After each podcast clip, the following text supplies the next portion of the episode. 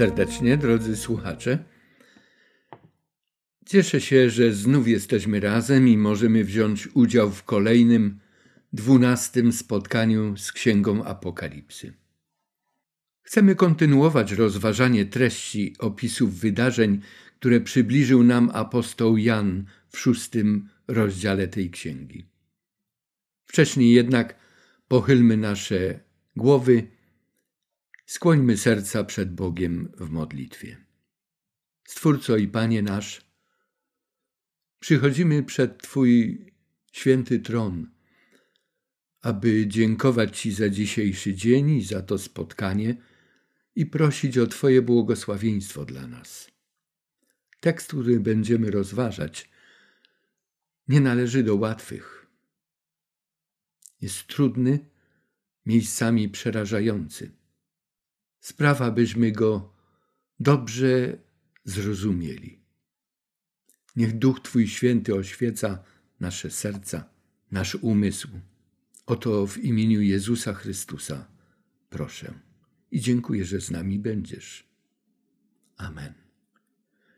Dzisiaj będziemy kontynuowali czytanie i zastanawianie się nad znaczeniem dalszych tekstów z szóstego rozdziału. Opisują one wydarzenia towarzyszące zdejmowaniu trzeciej i czwartej pieczęci. Na poprzednim spotkaniu dowiedzieliśmy się o Bożej zapowiedzi zwycięskiego pochodu Jego Ewangelii. To była wizja białego konia.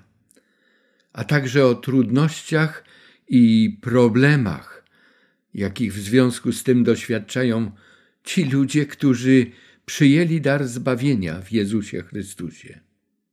I te trudności obrazował nam koń barwy ognistej.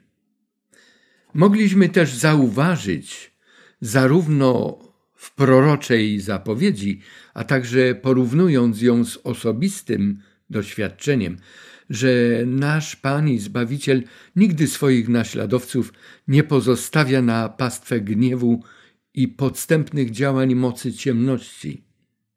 Często są to ludzie, którzy odrzucili Jego Ewangelię. Jezus zna tę rzeczywistość wielkiego boju między dobrem i złem i współczuwa z nami, gdyż będąc na tej ziemi sam kiedyś przeszedł podobne doświadczenia. Jego miłość i życzliwość do wszystkich ludzi nawet do zaciekłych wrogów, była mocą pociągającą wielu z nich do Boga. Obecnie Ewangelia działająca w sercach tych, którzy zaufali Zbawicielowi, wprowadza Boży pokój w serce i umysł każdego naśladowcy Jego. Gdy czerpiemy od Niego moc, odwagę, miłość, gdy wytrwale podążamy śladami naszego mistrza, wielu, podobnie jak kiedyś my sami, także decyduje się zostać naśladowcami Jego.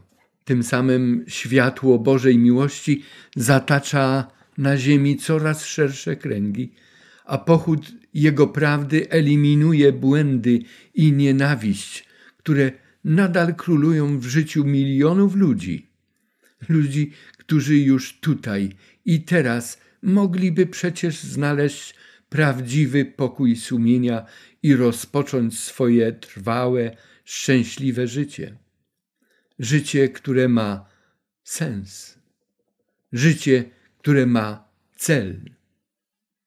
Apokalipsa w rozdziale szóstym, w wersetach od piątego do ósmego, informuje nas o wydarzeniach towarzyszących zdejmowaniu trzeciej i czwartej pieczęci. Przeczytajmy ten tekst w całości. A gdy zdjął trzecią pieczęć, usłyszałem, jak trzecia postać mówiła: Chodź. I widziałem, a oto koń kary. Ten zaś, który siedział na nim, miał wagę w ręce swojej. I usłyszałem jakby głos, pośród czterech postaci mówił: miarka pszenicy za denara i trzy miarki jęczmienia za denara. A oliwy i wina nie tykaj.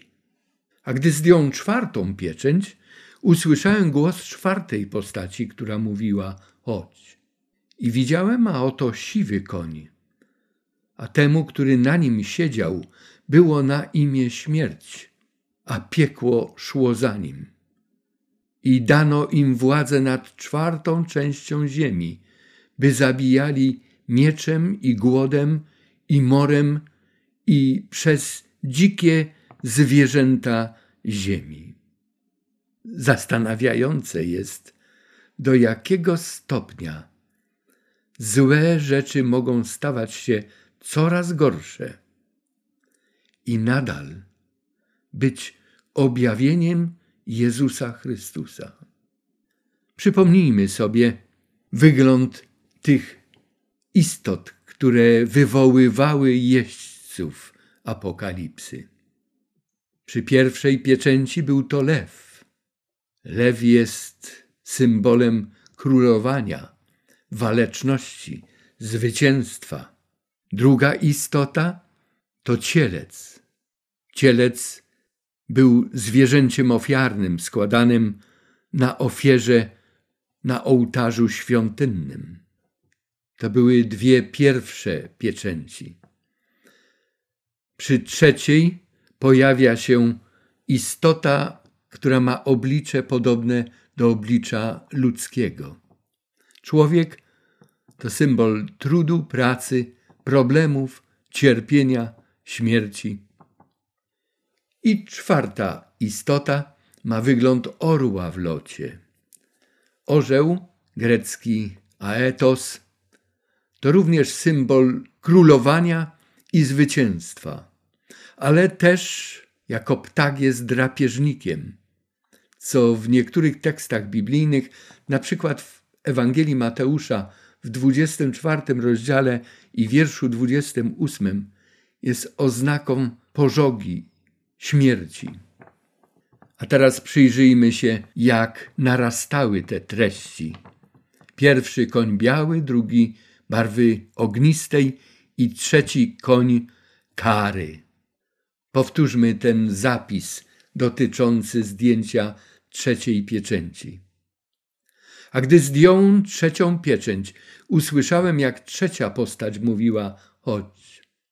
I widziałem, a oto koń kary, ten zaś, który siedział na nim, miał wagę w ręce swojej. I usłyszałem, jakby głos pośród czterech postaci mówił: Miarka pszenicy za denara i trzy miarki jęczmienia za denara, a oliwy i wina nie tykaj. Trudne warunki życia przedstawione są tutaj przy zdejmowaniu trzeciej pieczęci. Przede wszystkim koń kary, inaczej czarny. Czy jest to przeciwieństwo konia białego, który symbolizował czystość Ewangelii?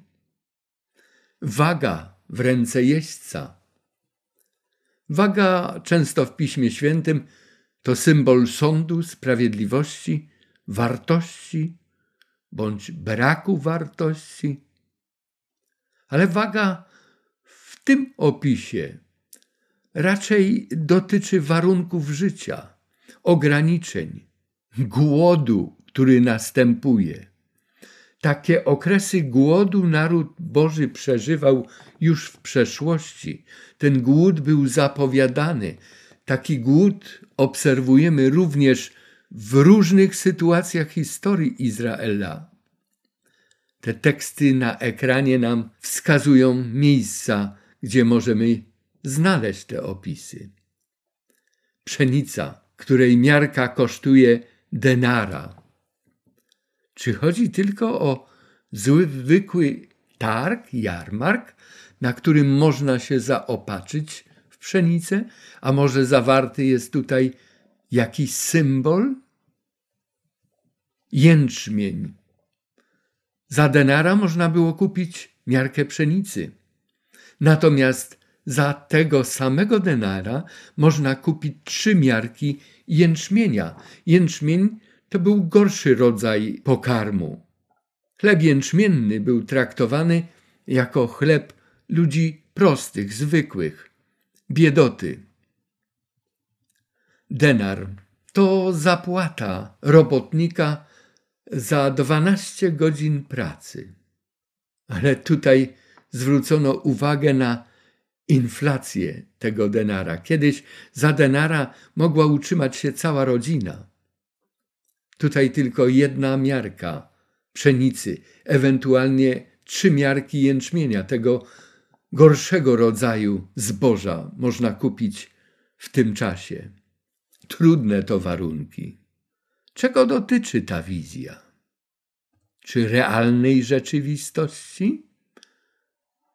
Ekonomii w tamtym czasie?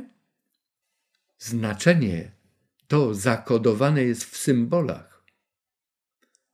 Trzeba nam będzie zastanowić się, co za tymi opisami i znaczeniami, które nie trudno pojąć, kryje się.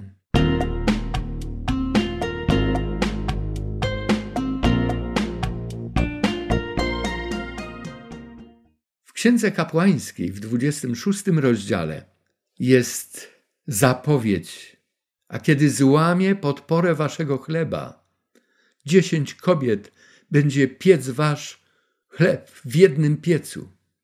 Będą wam wydzielać chleb na wagę, wy zaś będziecie wprawdzie jeść, ale się nie nasycicie. Kiedy takie warunki miały zaistnieć w narodzie izraelskim? Były to doraźne skutki odwrócenia się od Boga oraz złamania przymierza zawartego z Nim. W Księdze Powtórzonego Prawa czytamy, że ten, tam chodzi o naród z daleka, pożre po głowie Twego bydła, plon Twojej ziemi, aż będziesz wytępiony i nie pozostawi Ci ani zboża, ani moszczu, ani oliwy, ani rozpłodu Twojego bydła, ani przychówku Twojej czody, aż Cię zniszczy.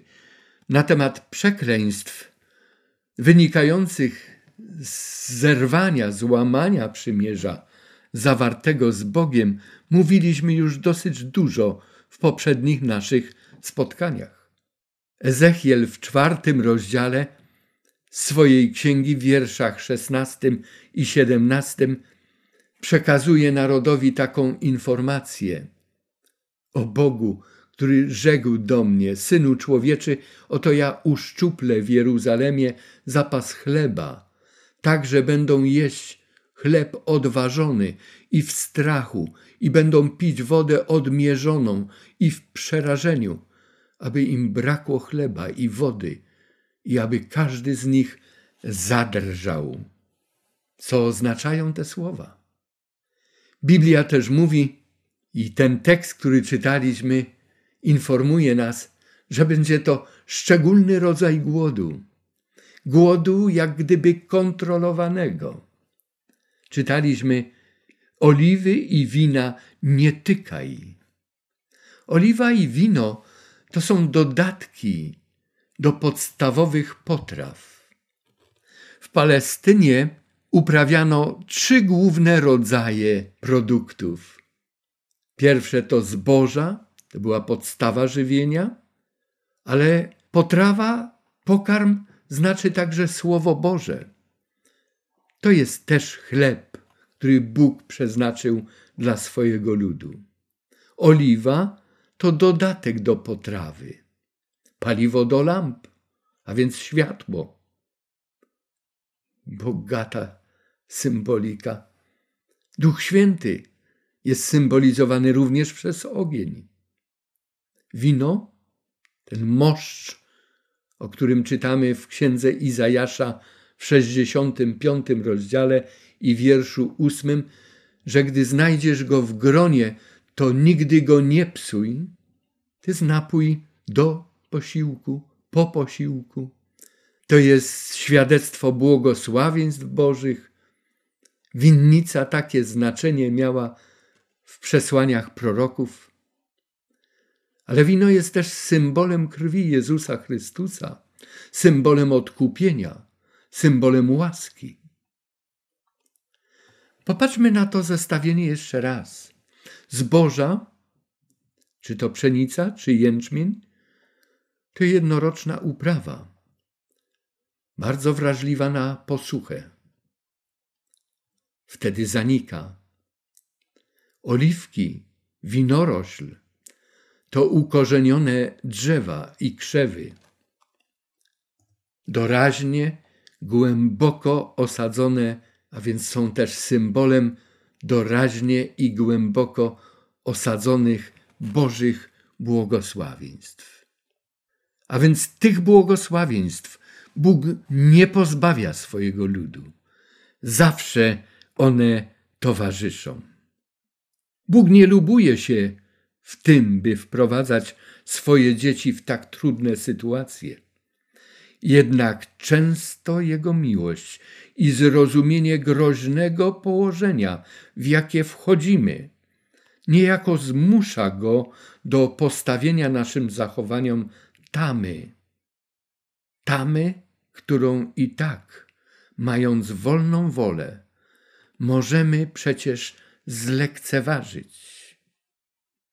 W Księdze Powtórzonego Prawa w jedenastym rozdziale czytamy Będziecie miłował, błogosławił, rozmnożyć się, pobłogosławi Twoje potomstwo i płody Twojej roli, Twoje zboże, Twój moszcz i Twoją oliwę, przychówek Twojego bydła, miot Twoich trzód na ziemi, którą przysiąg dać Twoim ojcom.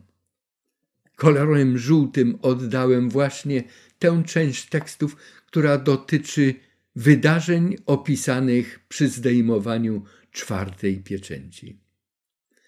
Bóg nie chciał hamować, Bóg nie chciał utrudniać swojemu narodowi ani doczesnych błogosławieństw, ani też nie chciał, aby naród pozbawiał się błogosławieństw duchowych. Dlatego oliwa, dlatego moszcz będą ochronione dla ludu Bożego w najtrudniejszych sytuacjach życia. W księdze Ozeasza opisana jest historia narodu izraelskiego, która nam przypomina, że Bóg nie działa pochopnie, nie działa nerwowo. Mimo odstępstwa człowieka czy całego narodu, Bóg nie rezygnuje i nadal troszczy się o grzeszników. On ich miłuje, to znaczy nas miłuje. Jego miłość jednak jest mądrą miłością. Zarówno dobro, którym chce nas obdarowywać, jak też i zło, które sami na siebie sprowadzamy i wchodzimy w to zło, mają swoje granice. Ale ona, czytamy w tym tekście u Ozeasza, czyli Izrael, nie wie, że to ja dawałem jej zboże, moszcz i oliwę. Dawałem jej w obfitości srebro i złoto, z którego oni robili Baala. A więc popatrzmy, jak człowiek zachowuje się, gdy ma obfitość Bożych błogosławieństw. Dlatego Bóg musi reagować. I czytamy, dlatego zabiorę w swoim czasie z powrotem swoje zboże, a nawet swój moszcz w porze właściwej. Popatrzmy na szczególny rodzaj głodu zapowiadanego przez proroka Amosa w ósmym rozdziale jego księgi. Jest bardzo niebezpieczny ten głód. Oto idą dni, mówi wszechmogący Pan, że ześlę głód na ziemię. Nie głód chleba, ani pragnienie wody, lecz słuchania słów Pana. I wlec się będą od morza do morza i tułać się z północy na wschód, szukając słowa Pana, lecz nie znajdą. Dziwny to rodzaj głodu. Jest to bardzo ważna zapowiedź prorocza. Miłujący Bóg nie mógł zataić tego, co stanowi dla nas najbardziej groźne zagrożenie. Obecnie raczej nie zagraża nam fizyczny brak Pisma Świętego. Mamy pod dostatkiem egzemplarzy Biblii, jej rozmaitych przekładów, a nawet komentarzy do nich. Lecz życiowe zabieganie, pośpiech powodują, że nie zawsze znajdujemy czas, wystarczającą ilość czasu na kontakt z Bogiem przez Jego Słowo. Wielu preferuje zastąpienie lektury Słowa Bożego modlitwą, myślą, że to można nadrobić jedno drugim. Brak im czasu na słuchanie tego, a może i chęci, do słuchania tego, co Bóg mówi im przez swoje słowo. Dlatego wolą własną modlitwę, taki monolog modlitewny. A przecież modlitwa to dialog. Modlitwa to rozmowa z Bogiem jak z przyjacielem. Ty mówisz do Boga, ale nie zapomnij, zanim wstaniesz z kolan, z klęczek, zaczekać, co On ma ci do powiedzenia, bo to jest dialog.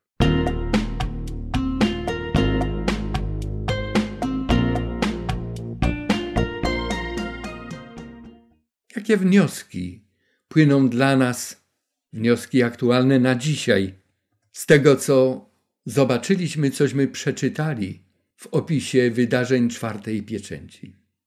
Mamy powszechny dostęp do Pisma Świętego. Czy dzisiaj cierpisz na brak nauk Bożego Słowa? Jest paradoksalne, ale przy powszechnym dostępie do tekstu Biblii zauważamy równie powszechny głód słowa.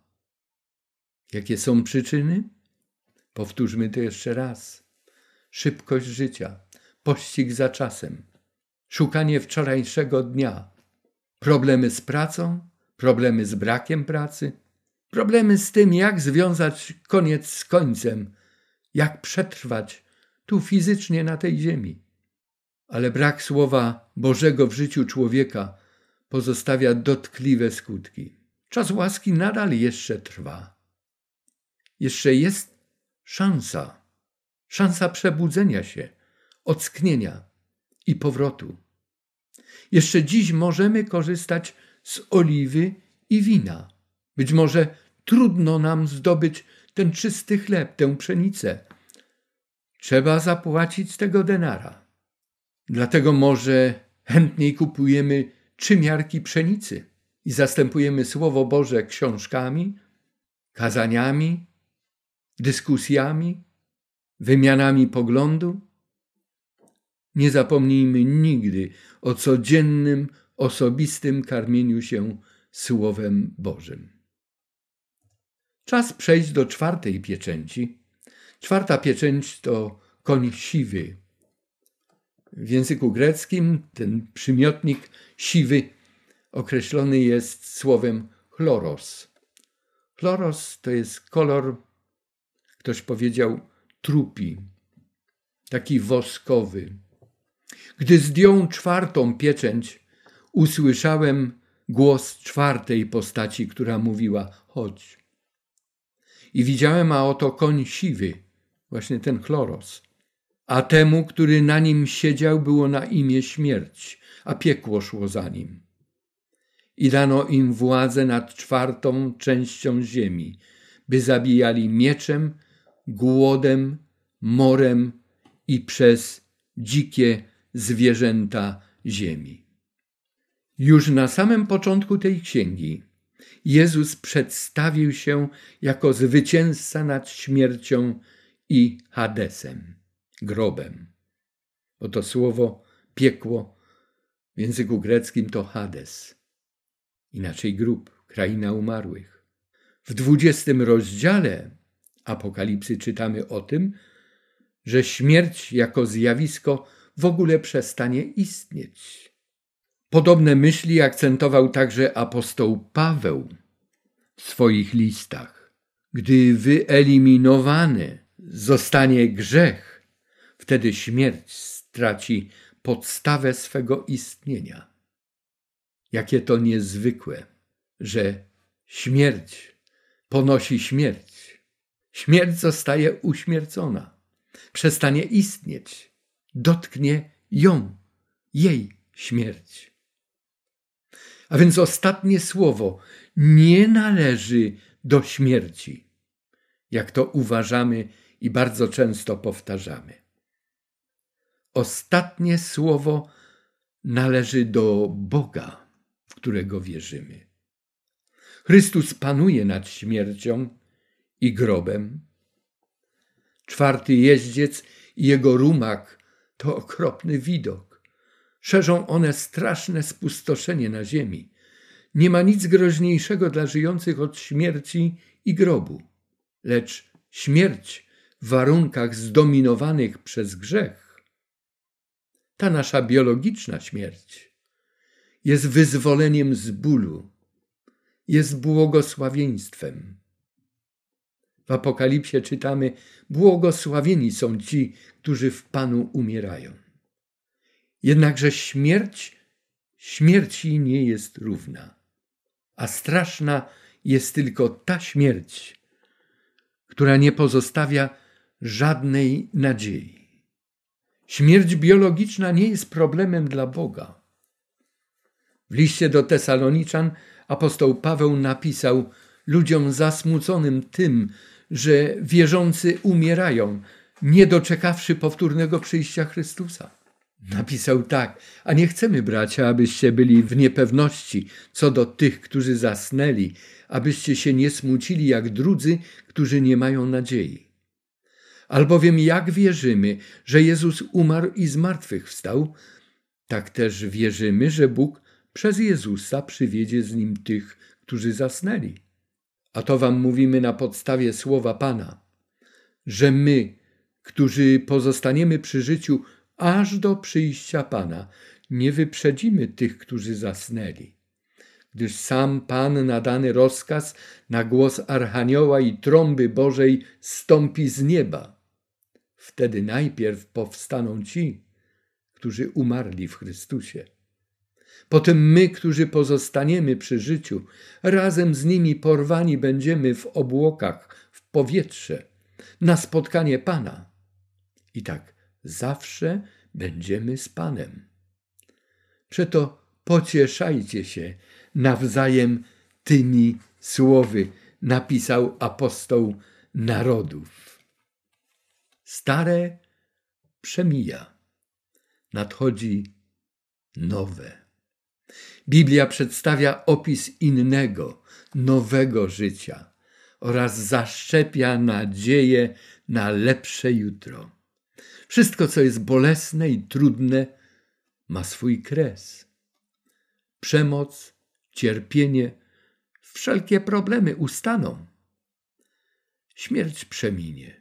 Straszna jest jedynie śmierć, poza którą nie sięga żadna nadzieja. Niezależnie od okropności scen i powagi życia, Bóg kontroluje te wydarzenia. Nadchodzi inna rzeczywistość. Rzeczywistość bez bólu.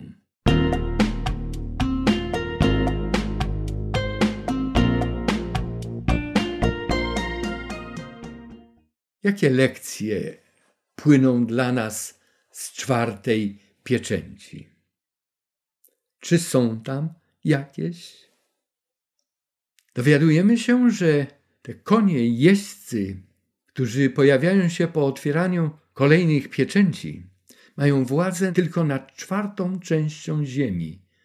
Właśnie lekcje z czwartej pieczęci nam to uświadamiają. Tu jest mowa właśnie o tej władzy tego czwartego konia nad czwartą częścią ziemi. Każdy z czterech jeźdźców ma władzę nad jedną czwartą. Podobnie, przypomnijmy sobie, o tym już mówiliśmy, jak czterej aniołowie z rozdziału siódmego, którzy wykonują swoje zadania, każdy na jednym z czterech krańców ziemi. Te myśli jeszcze mamy przed sobą. Trąby nieco inaczej i te biady dotykać będą jednej trzeciej ziemi. Plagi natomiast dotkną całego globu. Zauważmy, że następuje eskalacja problemów i trudności, aż do próby całkowitego zniszczenia Ziemi, zniszczenia w jej beznadziei. Jednak najważniejsze jest to, że Bóg do tego nie dopuści.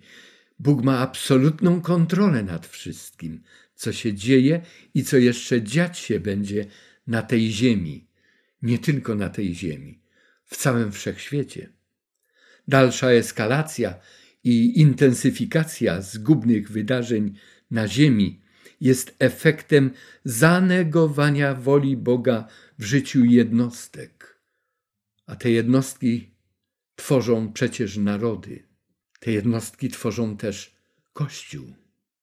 To wszystko dzieje się i Bóg to dopuszcza w sposób przez siebie kontrolowany, aby pomóc człowiekowi ocknąć się i powrócić pod, nazwijmy to, parasol Bożej ochrony, dopóki jeszcze czas łaski trwa, dopóki jeszcze nie jest za późno.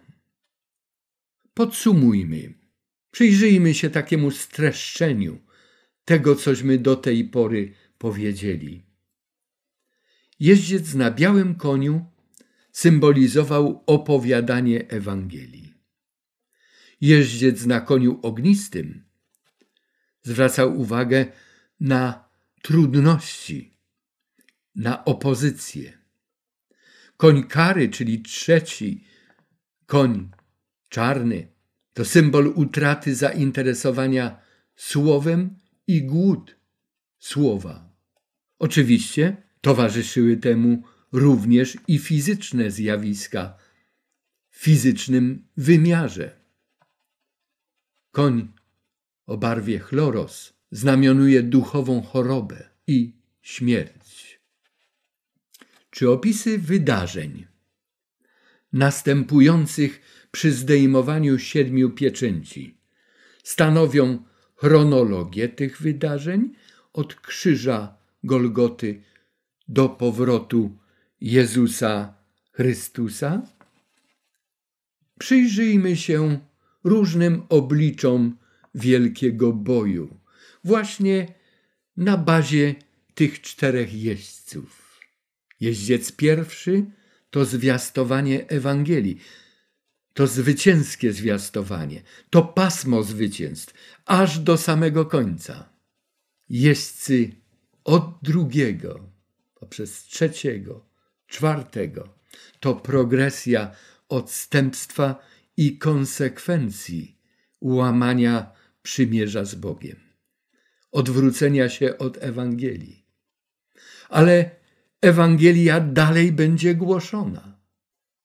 Z uwagi na to, że w tym samym czasie, jak jedni przyjmują Ewangelię, drudzy ją odrzucają i następuje utrata zainteresowania słowem Boga, nawet wśród tych, którzy często wcześniej już ją przyjęli. Następują podziały, animozje, gniew, nienawiść. Porzucenie słowa Boga i samego Boga powoduje głód, wegetację, doprowadza do śmierci, która jest przedsmakiem nieuniknionego losu, również w sensie duchowym i w odniesieniu do wieczności. A więc dzieje się to i w historii działo się w sensie wymiarze biologicznym, wymiarze fizycznym, ale chodzi tutaj o ten głód duchowy i o śmierć duchową. Już tutaj, na tej ziemi. W tym samym czasie trwa łaska i przebaczenie. Istnieje możliwość zmiany postępowania oraz powrotu do Boga i do Jego słowa. Popatrzmy, jak ci czterej jeźdźcy po sobie następują. Zwróćmy uwagę na chronologię wydarzeń. Bardzo często zwraca się uwagę i po części słusznie, że wiek Ewangelii to pierwszy wiek. Z tym, że pamiętajmy, Ewangelia nie zatrzymała się na pierwszym wieku. Ona jest głoszona przy uwzględnieniu zaników głoszenia, intensyfikacji głoszenia, ale ustawicznie, zwycięsko idzie aż do końca. Wieki trzeci do szóstego są typowane jako stopniowe odejście od Biblii i do Boga. Okres ciemnego średniowiecza to wieki szósty do szesnastego, od nowa szesnasty do dwudziestego. Koniec należy jeszcze do przyszłości. Wydarzenia szóstej pieczęci są wciąż jeszcze przed nami. Czasem historią czterech jeźdźców, jak gdybyśmy chcieli zamknąć całą historię. Ale uważne studium szóstego rozdziału mówi nam, że z tymi pochopnymi wnioskami trzeba jeszcze zaczekać. To było zdjęcie dopiero czterech pieczęci. Jeszcze kolejne trzy pozostały. Czy podobnie jak w przypadku listów do siedmiu zborów, wydarzenia te opisane przy zdejmowaniu pieczęci mają i mogą mieć miejsce w każdym czasie i miejscu? Ilekroć i gdziekolwiek istnieją przyczyny do ich wystąpienia? Taka rzeczywistość zwiastowania Ewangelii w każdym miejscu i czasie może dotyczyć także konsekwencji jej odrzucenia. Ale ten opis może dotyczyć każdego z nas. Co decyduje, gdzie jesteśmy? Decyduje o tym nasz stosunek do Ewangelii.